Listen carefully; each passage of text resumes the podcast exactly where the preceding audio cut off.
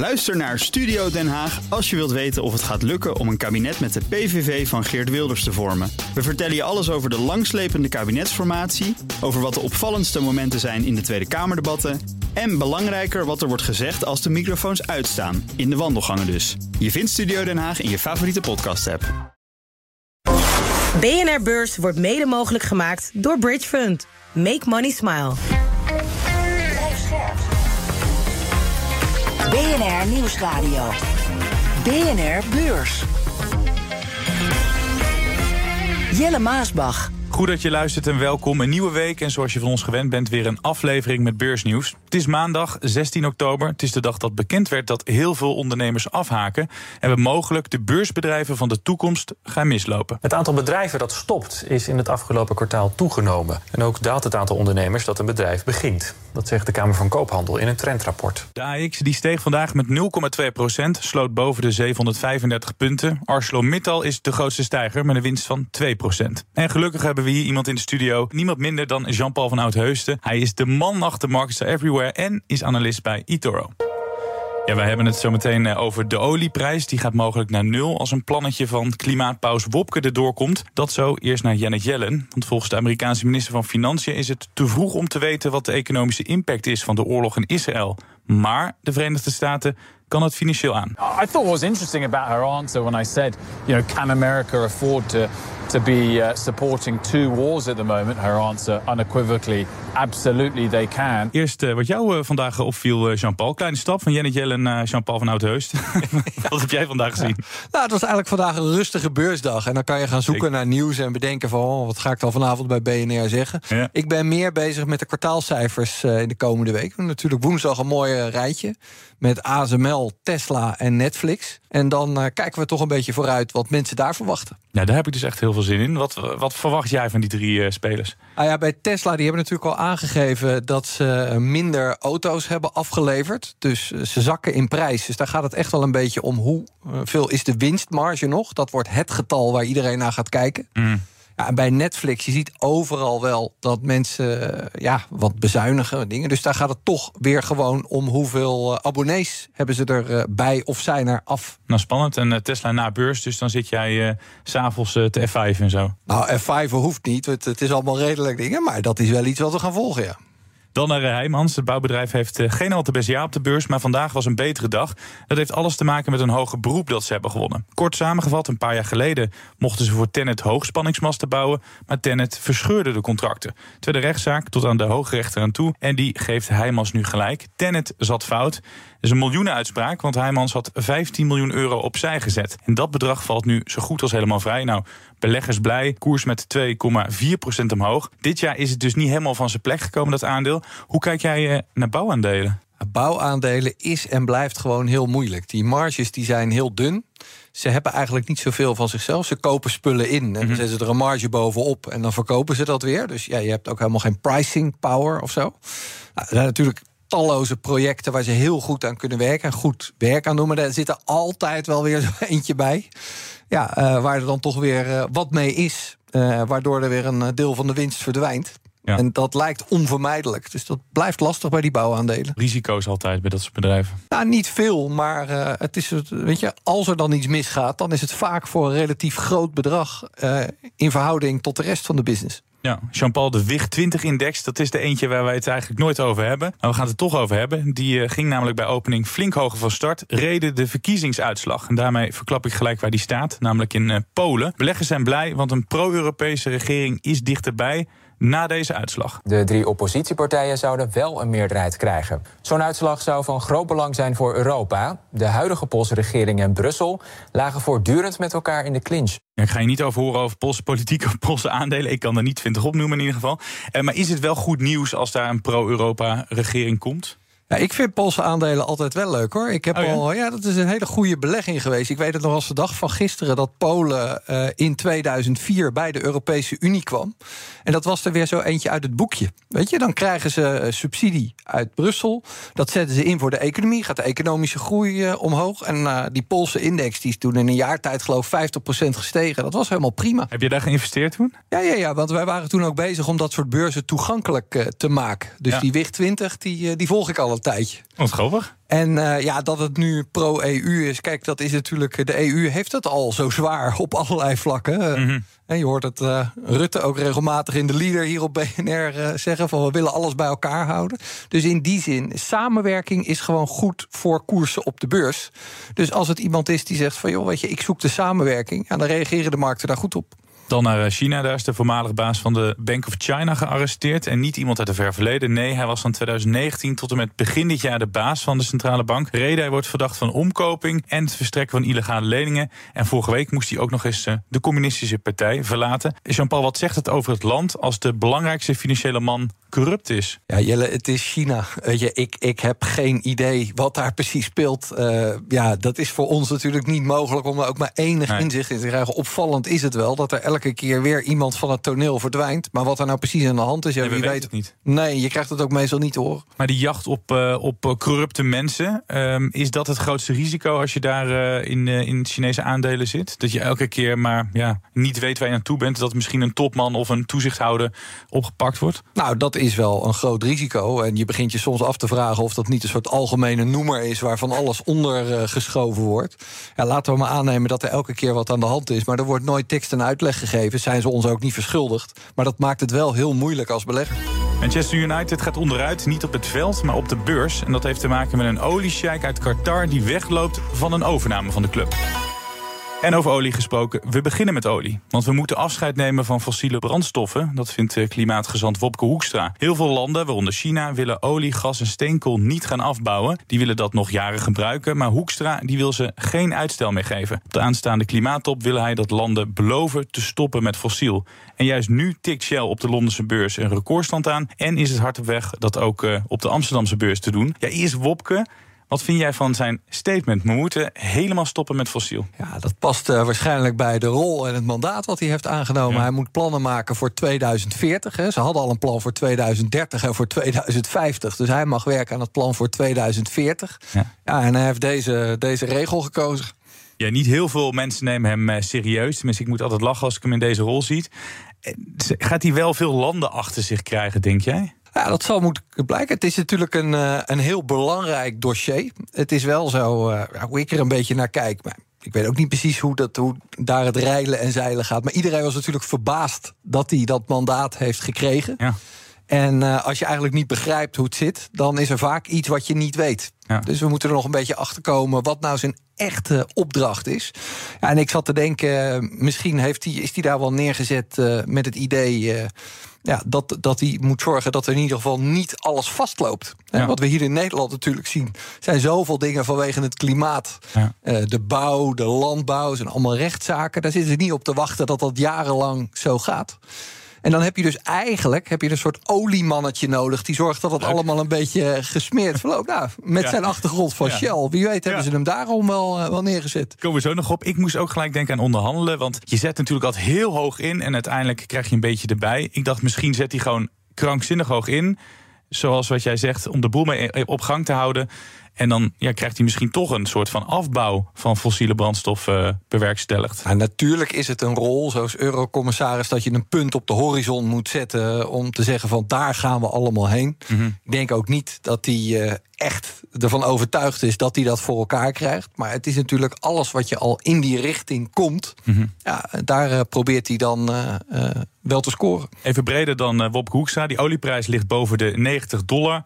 Jij hebt je glazen bol meegenomen. Maar wat denk jij, gaat hij de komende tijd eerder stijgen of, of dalen? Het is niet zo moeilijk te voorspellen als de olieprijs. Maar daarvoor heb ik jou hier. maar dat is natuurlijk één grote politieke aangelegenheid. Ja. Hè, wordt door allerlei factoren beïnvloed. Niet alleen vraag en aanbod. Tenminste, vraag en aanbod wordt beïnvloed door de politiek. Ja, met alle onrust die er nu weer is in het Midden-Oosten... staat natuurlijk iedereen op scherp. En lijkt het er niet op dat het binnenkort gaat dalen. Wat we wel gezien hebben uh, afgelopen week, en dat vond ik wel interessant, dat uh, in Amerika, de Department of Energy bekend maakte dat het aantal vaten olie wat daar wordt opgepompt met 13,2 miljoen per dag, dat het nu het hoogste niveau ooit is. Dat tekent ook wel het belang, want als ze dat niet zouden doen, als ze daar dus ook al helemaal bezig zouden zijn met alleen maar het verduurzamen, ja. wie weet waar de olieprijs dan had gestaan. Zouden we nog meer problemen uh, krijgen in die zin met, met de prijs? Ja, het is, het is best wel lastig. Maar gaat, gaat die olieprijs de beurshandel wel bepalen of het nou gaat stijgen of gaat dalen? Want het is wel volgens mij een van de belangrijkste thema's de komende tijd. Ja, enorm, want energie is belangrijk voor alles. Kijk, het meest primaire wat je er op de beurs van uh, merkt, is dat al die olieaandelen, die schieten allemaal naar hele hoge niveaus. Mm -hmm. In Amsterdam natuurlijk met, uh, met Shell, ja. onder andere. Tenminste, ik hoorde net, uh, in Londen staan ze wel op een, uh, record, maar op een record. Maar Amsterdam in, nog niet, in maar... Amsterdam nog net niet, maar dat zal dan ook nog wel komen. Dus dat is natuurlijk heel hoog gecorreleerd. Maar voor de rest allerlei businesses die gebruiken natuurlijk energie. Nou is het wel zo dat eh, de gevleugelde uitspraak altijd is... de beste remedie tegen een hoge olieprijs is een hoge olieprijs... omdat er dan alternatieven komen. Mm -hmm. Um, of dat er minder verbruikt wordt. Ja, dat zullen we nu ook wel wel zien. Maar op korte termijn kan het echt nog alle kanten uit. Moet je er wel olieaandelen hebben? Want je hebt aan de ene kant een oud Shell-medewerker... dus Wopke Hoekstra, die nu uh, die sector de nek om wil draaien. En misschien dat we nu echt wel op het, op het hoogtepunt zitten. Ja, dat is voor iedereen een, uh, een, een, een individuele keuze. Er speelt natuurlijk zoveel. Wil je wel fossiel of niet? Je kunt natuurlijk een prima beleggingsportefeuille maken zonder. Ja. Uh, het is wel zo dat in de tijd dat de inflatie hoog was, de energiesector de enige was waar je in ieder geval qua rendement de inflatie nog goed mee uh, kon maken. Ja. Uh, dus dat is wel een overweging om mee te nemen. Vorige week uh, die overname die Exxon uh, deed van 60 miljard, ruim 60 miljard dollar. Verwacht jij dit soort uh, hoogstandjes nog meer? Of, of was dat wel de grote overname? Nou, dat was een hele grote, maar er wordt wel meer verwacht, ja. Want en dat, zo zie je toch maar uh, dat er altijd wordt gezegd: ze kijken naar korte termijn winsten.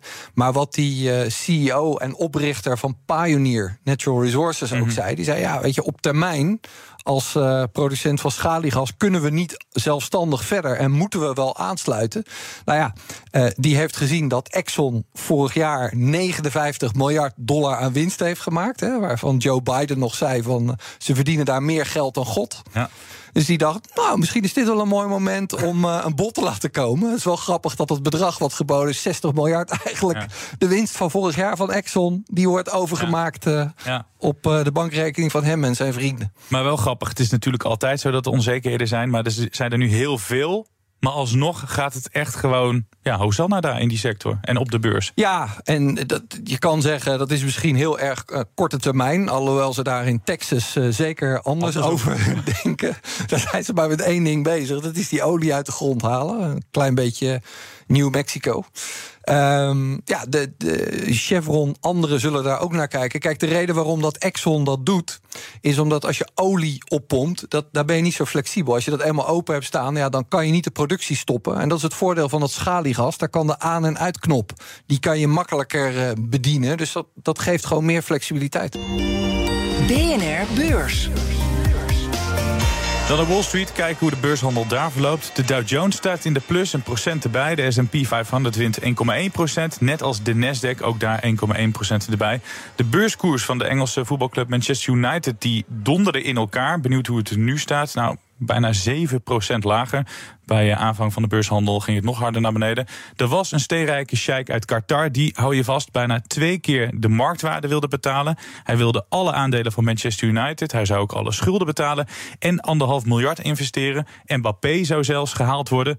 Maar hij haakt nu af. En nu moeten ze genoeg gaan nemen met een Brit die maar 25% van de aandelen wil. En daardoor is uh, ja, de overnamefantasie door het putje. Ja, voor de eigenaren Jean-Paul en Domper. Voor de aandeelhouders ook? Nou ja, kijk, ik denk de meeste mensen die daar uh, aandelen in hebben, die uh, zijn fan. Hè? Die vinden het leuk om zo. Ja, ja het is een emotieaandeel. Vragen of ze heel erg naar het rendement zitten te kijken. Ik heb ooit wel eens een keer een rapport gelezen van iemand die dat dan helemaal ging berekenen. Van de, de shirtverkoop en de toegangskaartjes. En, uh, maar ja, weet je, de meeste mensen zitten daar gewoon in omdat ze fan zijn van die club. Ja. En uh, die hopen dat ze vaak de Champions League winnen. Uh, en dan gaat toevallig ook het aandeel omhoog. Maar meestal valt het echt tegen. Jij bent eh, van de Nederlandse club die niet beursgenoteerd is, Feyenoord. Ben je blij dat ze niet aan de beurs genoteerd zijn? Het is wel grappig. Feyenoord heeft ooit een keer een obligatieleding gehad. Ze zijn niet op de beurs genoteerd, dus dat, toen kreeg je daar toch mee te maken. Uh-huh. En dan liep de coupon die liep op hoe verder ze kwamen in het Europees voetbal. En dat was net in die periode oh, dat ze toen de twee, die, die, die UEFA Cup hebben gewonnen. Dus dat was uiteindelijk een goede belegging. Maar ik had hem niet. Ja, een winstwaarschuwing eruit gooien en toch stijgen. Farmaceut Pfizer doet het. Op dit moment 4,8% erbij. Pfizer die waarschuwt voor veel lage verkopen van het coronavaccin en een medicijn dat gebruikt wordt voor COVID-patiënten. Maar beleggers die hadden kennelijk verwacht dat uh, deze waarschuwing eraan zat te komen. En dus toch nog uh, die dikke winst. BNR Beurs. Deze hele week hebben we het over de te mooi om waar te zijn aandelen. Bedrijven die flink aan de prijs zijn en eigenlijk veel te duur zijn. Zoals het aandeel dat eh, Jean-Paul meeneemt. Eentje zag ik die dit jaar al 125% steeg. Over welk bedrijf uh, hebben we het? Ja, ik vond het een lastige vraag. Het bedrijf waar we het over hebben is C3.ai.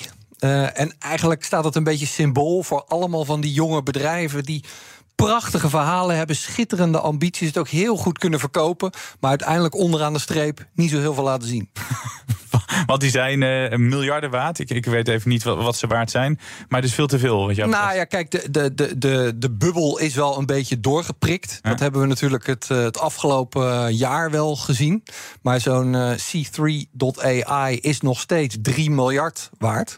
Maar ik geloof op een omzet van, uh, wat was het, 74 miljoen in een kwartaal. 74. Dus het, het is gewoon ook een ja. soort waarschuwing bij dit soort aandelen als ze al heel hard gezakt zijn. Want deze is ook, die was echt heel erg hard gezakt, daarna weer opgelopen. Dit soort bedrijven kan in principe ook naar nul. Dit is zo vaak gebeurd, ook tijdens de internetbubbel. Waarom trappen beleggers hier dan toch steeds weer in? Ja, omdat mensen zich laten inpakken van een mooie verhaal. Die internetbubbel is trouwens wel aardig, want die was vandaag weer actueel. Het was een heel klein aandeeltje. Rite Aid, de drogisterijketen. Uh -huh. Die hebben een enorme piek gehad in 1999. Want toen ging Amazon zo goed. Toen dacht uh -huh. iedereen, oh, daar heb je er weer een. Nou, die zijn helemaal gevallen. Maar die hebben nu pas faillissement aangevraagd. Oh, dus we stonden wel aan het voorhouden. Ja, en daarom kan je nooit precies zeggen hoeveel dat er nog nee. afgaat. Vaak weten ze er toch nog wel een beetje dingen. Maar dat C3 AI is natuurlijk in de hele AI-hype. Als je dan AI in je naam hebt staan, dan duikt iedereen erop. Want uh, mensen lezen niet, maar ja. die denken: oh, dat moet je hebben. Dat was jaren geleden ook zo met blockchain, kan ik me nog herinneren. Dat als de blockchain in de naam stond, dus al was je een uh, verkoper van hondenbrokjes en je zet de blockchain erachter, dan ging je helemaal door het dak. Ja. Dat mensen daar dan toch intrappen. Ja, nou, ik zag ook nog een mooie cartoon voorbij komen. Dat ze zeiden van uh, bij Air India sinds we het AI hebben genoemd, gaat het heel erg goed. gaan, we, gaan we de lucht in. Best wel leuke dingen, ja. Nee, ja, het, het, het blijft en het komt ook deels... Uh, kijk, zo'n C3.ai, die hebben ook op de website... gewoon zonder schroom staan van wij werken met Google Cloud, met Microsoft... Uh, met AWS, noem maar op. Dus dan denk je, nou ja, weet je, dat zijn wel namen, dat ja. gaat wel goed. Maar, maar, toch zijn ze dus 3 miljard dollar waard met een kwartaalomzet van 74 miljoen dollar. Wat zijn de gevaren van zo'n veel te hoge waardering, Jean-Paul? Ja, dat die onderuit gaat. Dat op een gegeven moment, uh, weet je, iemand het licht aandoet, het feestje is afgelopen. En dat je denkt van ja, we hebben niet zoveel. Nee. En uh, dan moet natuurlijk uiteindelijk winst gemaakt worden. Kijk, ik heb dan ook eventjes nogal naar zo'n website zitten kijken. Ik snap niet zo goed dat mensen... Ze hebben dan geloof ik 40 AI-oplossingen. Weet je, je hebt dan bij zo'n bedrijf liever dat ze zeggen... we hebben een één, twee dingen waar we heel goed in zijn. Maar ik zij bieden gewoon de hele weekkamp aan. En dan zeggen ze wel, ja, ik hoop dat er iemand komt bestellen. Het komt niet echt over als een strategie. Maar ik kan het mis hebben dus. Nee, maar dit zijn dus krankzinnige uh, waarderingen. En denk jij binnenkort dat uh, die AI-bubbel gaat... Leegstromen? Nou ja, AI is uh, in die zin geen bubbel, omdat we natuurlijk zien Nvidia voorop, Wat het allemaal uh, techbedrijven erachteraan, dat ze daar geld mee gaan verdienen. Maar er zijn natuurlijk een hoop bedrijven die denken: ik wil er een graantje van meepikken, die uh, ja, niet een product hebben wat veel gevraagd wordt. Ik denk dat dat hier en daar nog wel eens tegen kan vallen. Ja. Jij gaat hier niet in investeren, hè? heb ik zo al, heb ik zo al door. Nee, ja, dit zijn van die aandelen. Als je het op een gegeven moment aanvoelt. Als er weer een hele hype omheen ja. komt. dan kan je daar best een keer. Uh, ja, een, uh, een, ritje in proberen te maar maken. nooit iets voor de lange termijn. Ah, dit is niet serieus beleggen, wat mij betreft. Hoort collega Danielle Kastemans. JP Morgan Chase profiteerde van de hogere rentes die klanten op leningen moeten betalen en boekte afgelopen kwartaal meer winst dan verwacht. Ook Wells Fargo overtrof de verwachtingen. Dit keer is het de beurt aan Bank of America en Goldman Sachs. De vraag is of zij net zo goed gepresteerd hebben als hun concurrenten. Ook farmaceut Johnson Johnson komt met cijfers. Johnson Johnson verhoogde de outlook twee kwartalen op rij... nadat de farmaceut beter dan verwachte resultaten behaalde. Toch moest het bedrijf de outlook eind augustus weer naar beneden bijstellen... na de afsplitsing van onderdeel Kenview, het voormalige Consumer Health. Dit was de BNR-beurs van maandag 16 oktober. In deze aflevering hadden we het over de olieprijs. Kan die naar nul als de klimaatplannen van Wopke Hoekstra werkelijkheid worden? Of schiet de olieprijs juist alleen maar omhoog? Ook was het de uitzending van Janet Yellen. Twee oorlogen zijn er op dit moment en die kan de VS financieel prima aanvinden. Minder prima ging met de voormalige bankpresident van China. Hij moet de bak in. Manchester United moet niet alleen op het veld aan de bak, maar ook op de beurs. Het aandeel keldert omdat een koper wegloopt. En de uitzending dat Jean-Paul C3 AI meenam. Het aandeel dat veel te duur geprijsd is. Dank Jean-Paul van Oudheusden van Marks Everywhere, analist bij eToro. Ja, we hebben Wesley helemaal niet nodig, joh. We kunnen het ook gewoon met z'n tweeën doen. Het is wel gezellig als hij er binnenkort weer is. Ja, is ook wel weer gezellig, ja. Nou, tot, uh, tot morgen. Dan is hij nog niet, maar binnenkort is hij er weer. Tot dan, hoi. BNR Beurs wordt mede mogelijk gemaakt door Bridge Fund. Make money smile. Ook Bas van Werven vind je in de BNR-app. Ja, je kunt live naar mij en Iwan luisteren tijdens de ochtendspits. Je krijgt een melding van Breaking News. En niet alleen onze podcast Ochtendnieuws, maar alle BNR-podcasts vind je in de app. Download nu de gratis BNR-app en blijf scherp.